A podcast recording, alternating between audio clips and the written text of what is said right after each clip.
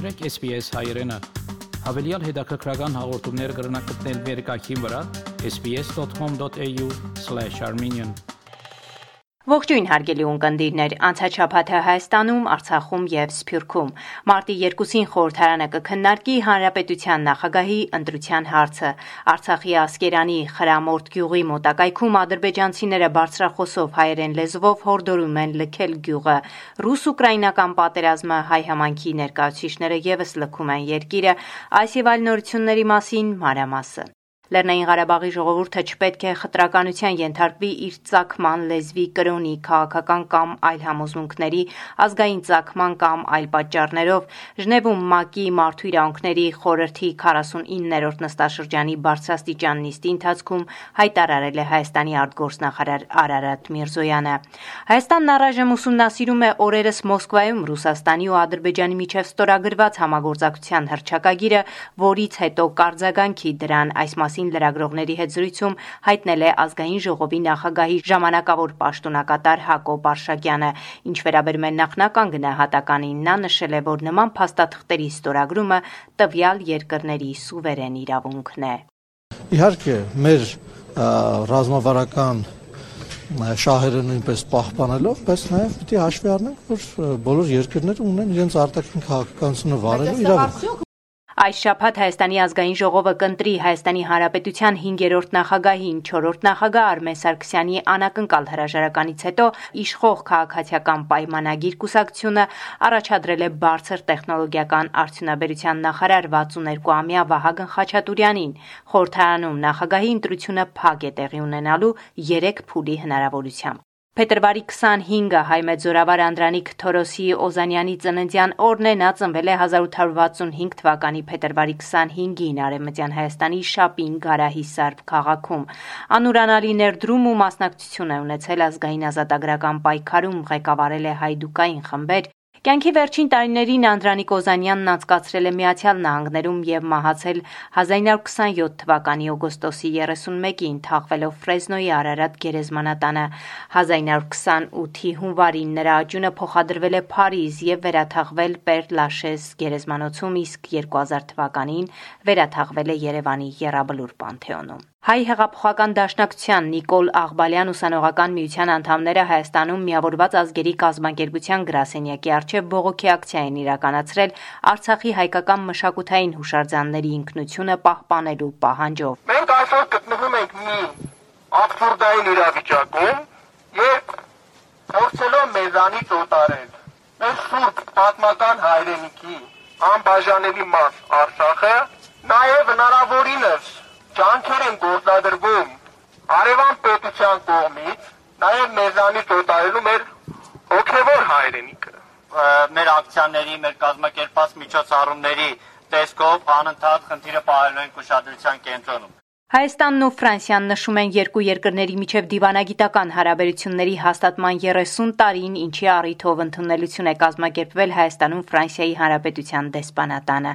1995-ին Փարիզում բացվեց Հայաստանի դեսպանությունը։ Հանդիսավոր արարողությանը մասնակցել է նաև Մատենադարանի տնորեն Վահան Տեր-Ղևոնդյանը։ Նա այդ ժամանակ ծառայության էր անցել որպես Հայաստանի գործերի ժամանակավոր հավատարմատար։ Վահան Տեր-Ղևոնդյանն ասում է հայ-ֆրանսիական հարաբերությունների հաստատումը համընկավ մեր երկրի համար բախտորոշ ժամանակաշրջանի Արցախյան պատերազմի ամենածանր օրերի տնտեսական ու էներգետիկ ճգնաժամի հետ։ Բայց դա միաժամանակ նաև նորահաստատ հայկական պետության ամրապնդման, Արցախում զինադադարի հաստատման եւ ճգնաժամի հաղթահարման մի փուլ էր, որի ընթացքում մշտապես մեր կողքին էր Ֆրանսիայի Հանրապետությունը, ֆրանսիական ամենատարբեր պետական, հասարակական ու մարդասիրական կառույցներ եւ իհարկե ֆրանսահայ համայնքը։ Ֆրանսիան Հայաստանի կողքին է դարեր շարունակ։ Հայաստանի արտաքին գործերի փոխնախարար Պարուր Հովանիսյանը կարևորեց Ֆրանսիայի աջակցությունը։ Հայ-ֆրանսիական հարաբերությունները գտնվում են ամենաբարձր մակարդակի վրա եւ բնորոշվում են որպես առանձնաշնորհյալ։ Այդ բարեկամությունն ունի դարերի պատմություն։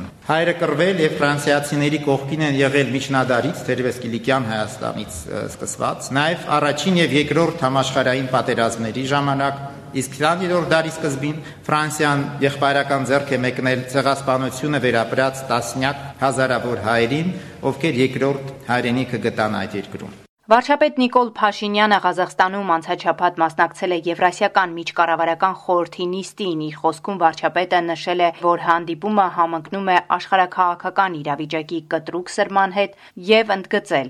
Ակնհայտ է, որ մենք գտնվում ենք զգայուն ժամանակահատվածում աշխարհակաղակական զգայուն տեկտոնական գործընթացներում եւ այս համատեքստում իհարկե Եվրասիական տնտեսական միությունը կարևոր ֆորմատ է, որպեսզի զարգացնենք մեր երկրների տնտեսությունները Իհարկե ակնհայտ է, որ պատժամիջոցների գործողություններն ակնհայտ ազդեցություն կունենան Եվրասիական տարածաշրջանում տնտեսական մթնոլորտի վրա եւ այս առումով մենք պետք է քննարկենք, թե ինչպիսի օպերատիվ որոշումներ պետք է ընդունել, որpիսի այդ բացասական ազդեցությունները լինեն նվազագույն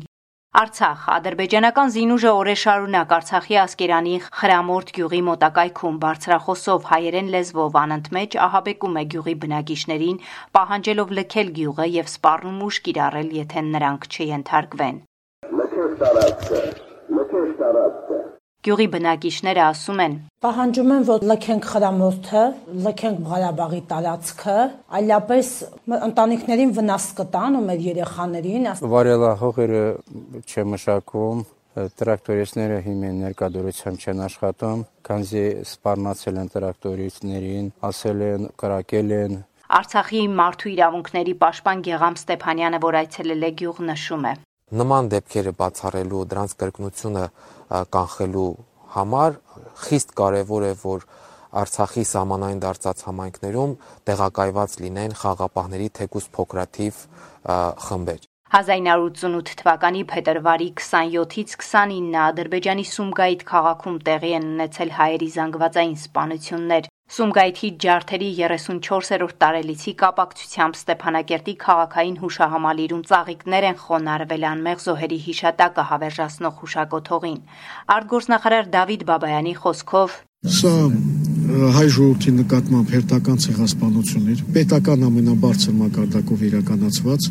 եւ այդ քաղաքականությունը շարունակվում։ Փորձում եմ ուրեմն աշխարհին ցույց տալ, որ Սումգայիթը իրենք չեն կազմակերպել, Սփյուռք Հայաստանի եւ Ֆրանսիայի միջև դիվանագիտական հարաբերությունների հաստատման 30-ամյակի կապակցությամբ փետրվարի 24-ին Փարիզի Աստվածամոր տաճարի մոտ գտնվող կամուրջներից մեկը Փարիզի քաղաքապետարանի նախաձեռնությամբ լուսավորվել է Հայաստանի եւ Ֆրանսիայի դրոշների գույներով։ Սփյուռքի գլխավոր հանձնակատարի գրասենյակից հայտնում են, որ կապի մեջ են Կիևի, Օդեսայի, Խարկովի եւ մյուս շրջանների ու քաղաքների հայ համայնքային կառույցների եւ անհատների հետ ուշադրության կենտրոնում պահելով տեղի հայության հետ կապված հարցերը։ Կիևում եւ Օդեսայում Հայաստանի դիվանագիտական ներկայացությունները, ինչպես նաեւ Դոնի Ռոստովում Հայաստանի գլխավոր հյուպատոսությունը աշխատում են արտակարգ ռեժիմով։ Մի քանի օր է շարունակվում է ռուս-ուկրաինական պատերազմը, կրակոցներ ու պայթյուններ են լինում Ուկրաինայի տարածքում մի շարք խոշոր քաղաքներում, այդ թվում մայրաքաղաք Կիևում։ Ոչ պաշտոնական տվյալներով ներկայումս Ուկրաինայում բնակվում է 400 հազարից 500 հազար հայ։ Նրանց կեսը այդ երկրի քաղաքացիներ են։ Ավելի քան 360 հազար հազար մարդ արդեն լքել է երկիրը, հայերից շատերը եւս SBS-ի հետ զրույցում հայ համայնքի ներկայացուցիչները, ովքեր մնացել են Ուկրաինայում, պատմել են, որ հիմնականում տանն է նահազանգի ժամանակ իջնում են ապաստարաններ։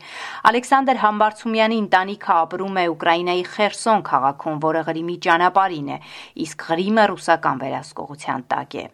чего-то пойду, да, я думаю, хотя бы огонь остановит. Հույս ունենք, որ բանակցություններն արդյունք կտան։ Գոնե կրակը կդադարեցվի։ Երեխաներն ապաստարաններում լացում են։ 21-րդ դարում մեր գլխավերևում արկեր են թռչում։ Հայ համայնքի ներկայացուցիչներն ասում են, որ անորոշ սպասողական վիճակում են։ Կիևի մի թաղամասում եմ ապրում, բայց մեր թաղամասում մարդիկ պրակտիկիսկի չկան, ցաղը պատվալում նստած են թե պատվալի մոտ են, սպասում են, որտեղ ժամը առավոտյան 6-ից կոնկրետ ամեն 5-10 րոպեն մի բան պայթում է, Եվ վերջում փետրվարի 28-ից մեկնարկում է մեծ պահքը։ Մեծ պահքի շրջանը տևում է 48 օր՝ բուն բարեկենթանից միջև Սուրբ Հարություն, Զատկի տոնի նախորեն։ Պահքի շրջանում օգտագործում են բացառապես բուսական ծագում ունեցող սննդամթերք, հրաժարվում են ոչ միայն որոշակի կերակուրներից, այլև մոլի սովորություններից, շատախոսությունից, ստախոսությունից, հայհոյանքից եւ այլ մեղքերից։ Քահանայի խոսքով, եւ որ մարդը քիչ է սնվում եւ ոչ պարարտ կերակուրներով, բուսական կերակուրներով, ինչպես մեր հայրերն են խորհուրդ տալիս, ապա մարմինը զերծ է մնում մեղքերից եւ